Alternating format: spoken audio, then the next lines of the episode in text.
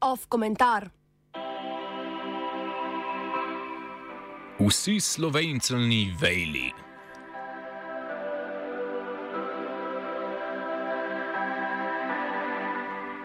Pred koncem lanskega leta smo se nekateri pošteno nasmejali o iluzorni želji takratnega ministra za gospodarstvo Zdravka Počivalška, ki je na televiziji Planet TV ob predstavitvi stranke konkretno dejal: citiramo, Moramo nekaj storiti, da nas bo čez desetletje 3 milijone, ne pa 2, ampak zaradi tega, kar se bo dogajalo v Sloveniji, ne s priseljevanjem. Konec citata. To, kar naj bi se dogajalo v Sloveniji, lahko razumemo kot odgovor na umotvor z imenom demografsko vprašanje. Nekdanja vlada pod vodstvom Janeza Janše je počivalškovo željo začela uresničevati z dolgo pričakovano ustanovitvijo Urada za demografijo. Njegova ustanovitev je bila zlasti zaradi povezave z zakonom o dolgotrajni oskrbi ob podpisu koalicijske pogodbe sicer zahteva demokratične stranke upokojencev Slovenije.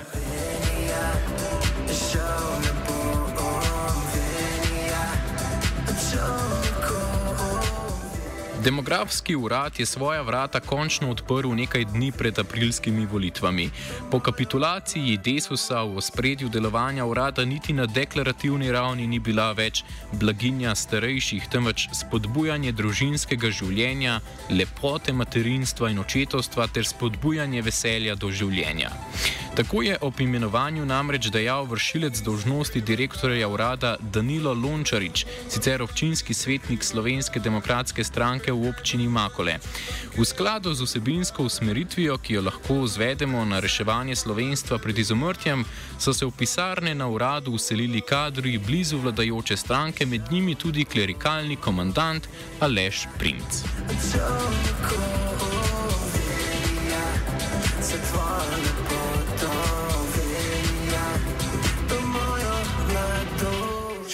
A ob menjavi vlade ni trajalo dolgo, preden je kadrovski kabriolet povozil tudi demografske brigade za reševanje slovenstva. Po junijski napovedi je demografski urad omagal sredi julija. Ministr za delo Luka Mesec pa je kot argument za ukinitev navedel izprijenost konzervativne ideologije spodbujanja rodnosti in poveličevanje tradicionalnih družinskih vrednot. Pričakovani meščevi odločitvi o ukinitvi urada je sledil pogrom desno-sučnih medijev medijev. Govorili so o tragičnih statistikah negativnega naravnega prirasta in krivdi nove vlade za samouničevalnost slovenskega naroda. Negativni naravni prirast v tem konzervativnem in populističnem kontekstu pomeni največjo grožnjo slovenski prihodnosti.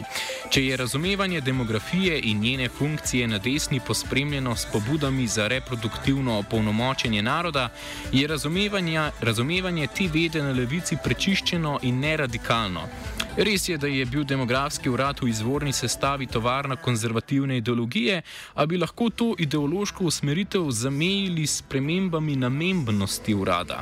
Utemeljitev luke meseca ob ukinitvi urada je v srži ravno tako populistična, saj bistvo uporabe demografije v politične namene niti ne načne.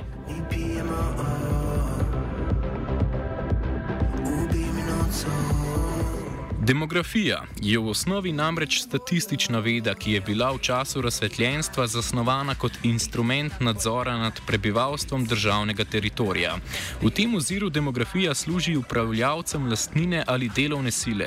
Z uporabo podatkov o rojstvih, smrtih in gibanju prebivalstva deluje kot orodje v rokah vladajočega razreda, da bi ta lahko še naprej nadzoroval in usmerjal delovno silo k ustvarjanju največjega možnega dobička.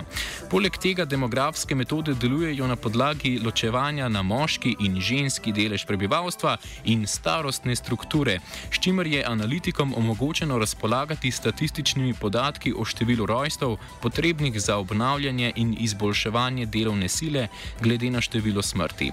To monogamno razumevanje človeške reprodukcije docela se upada s patriarhalno katoliško etiko. Zgodnji demografi so bili torej ključni del operac operacijskega modusa razsvetljenske države.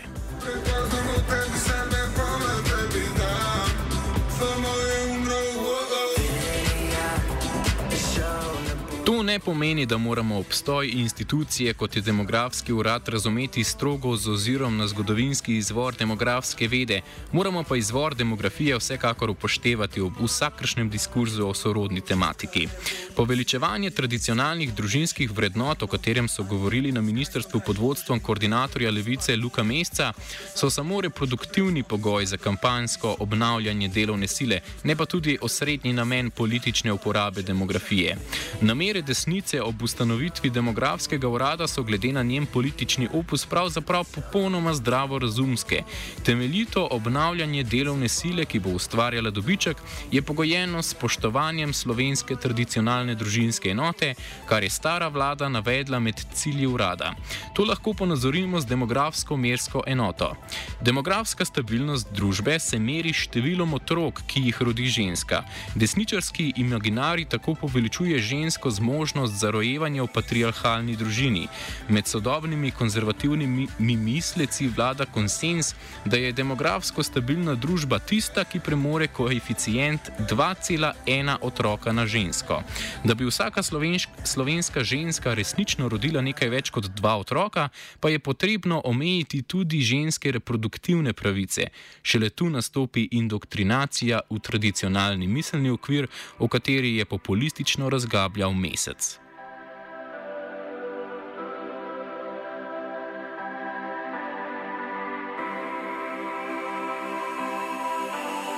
perfect. Kljub temu, da smo demografske ambicije slovenske desnice, začenši s 3 milijoni zdravka počivalška, označili za zdravorazumske, imajo te precej omejen in intelektualni domet. Ob razpravah desnice o nizki rodnosti v Sloveniji se pogosto uporablja cankarjanska prispodoba in hlapčevanja zahodnoevropskim narodom ob nezmožnosti narodne reprodukcije. Prvo protislovje te sinteze so demografske slike držav, kot sta denimo Nemčija in Avstrija, ki imata prav tako negativni naravni prirast. Njuno vele cenjeno gospodarstvo podpira tuja delovna sila, ki jo moramo desnici na ljubo imenovati begunci in migranti.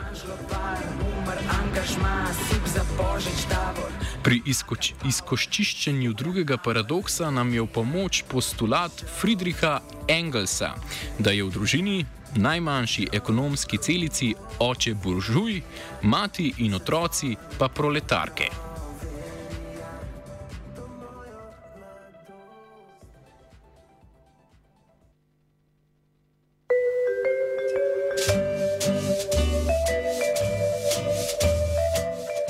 Otrok in žensk je v Sloveniji več kot moških. Zato torej bi po logiki desnice ob ugodnih rezultatih delovanja demografskega urada več kot dve tretjini slovenskega naroda hlapčevali še naprej. Preostali moški delež pa bi verjetno za voljo nagle privatizacije služil tujim multinacionalnim korporacijam. Za hlapce rojeni, za hlapce vzgojeni, ustvarjeni za hlapčevanje. Pa še to brez nacionalističnega diskurza, ki bi bil smotoren samo, če bi lastno delovno silo uporabljal za izboljševanje državne lastnine.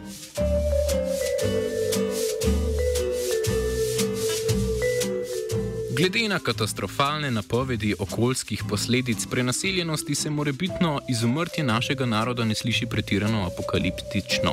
Slovenska demografija ni prilagojena boju proti podnebnim spremembam, ampak nacionalizmu, pa še v tem smislu hlapčuje tujim kapitalistom. Alež Primc in njegova farizejska druščina bodo svoje klerikalne solze morali točiti še naprej